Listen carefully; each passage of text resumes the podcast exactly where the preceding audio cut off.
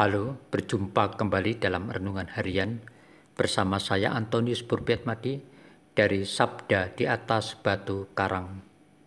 Saudara-saudari yang terkasih, hari ini Selasa tanggal 19 Juni adalah hari biasa pekan ke-16.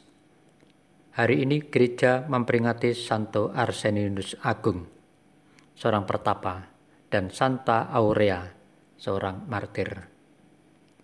Renungan kita hari ini terinspirasi dari bacaan kitab suci.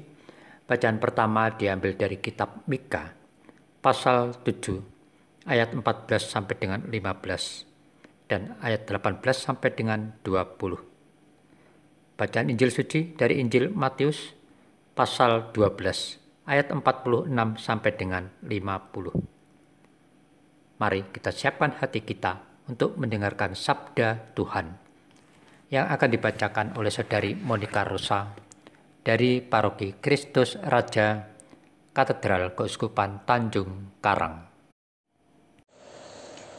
Sekali peristiwa, ketika Yesus sedang berbicara dengan orang banyak, ibu dan saudara-saudaranya berdiri di luar dan berusaha menemui Dia. Maka berkatalah seseorang kepadanya, "Lihatlah, ibumu dan saudara-saudaramu ada di luar dan berusaha menemui engkau."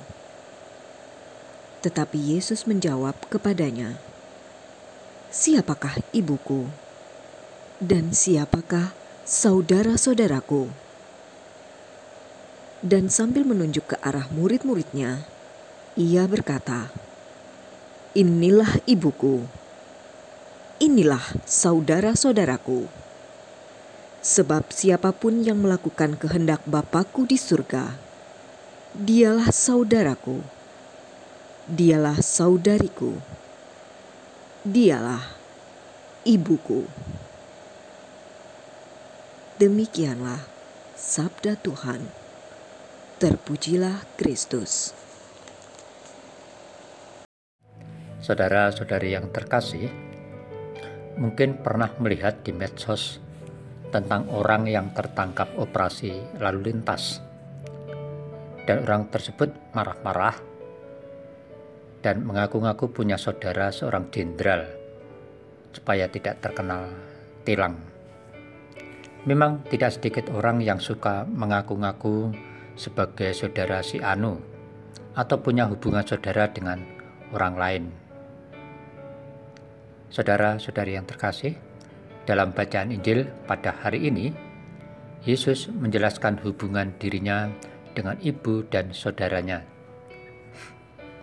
Yesus dengan tegas mengatakan bahwa ibunya atau saudara-saudaranya itu terutama bukanlah mereka yang karena memiliki hubungan darah. Maria memang ibunya, Lalu dengan pernyataannya tersebut, bukan berarti Yesus menolak atau tidak mengakui Maria sebagai ibu yang melahirkannya. Kepada para pengikutnya, Yesus menunjukkan Maria dan para muridnya supaya mereka tahu para pengikutnya itu bahwa Maria dan para muridnya adalah mereka yang telah mampu mengerti dan melaksanakan kehendak Allah di dalam dirinya. Bagi Yesus, semua orang yang percaya kepada dirinya adalah saudara dan ibunya. Persaudaraan yang Yesus bicarakan di hadapan banyak orang itu adalah pengajaran mengenai persaudaraan dan kekeluargaan dalam iman. Bagaimana dalam kenyataan hidup kita?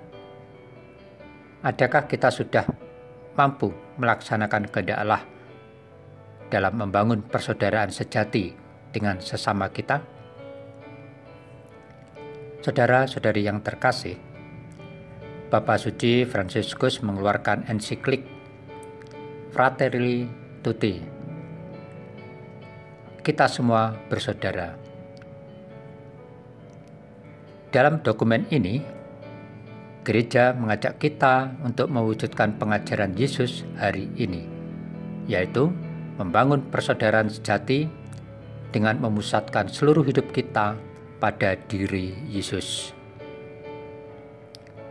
Semoga dengan bimbingan Roh Kudus, kita dimampukan untuk menjadi saudara bagi yang lain, tanpa memandang latar belakang mereka seperti suku, agama, ras, status sosial, dan sebagainya.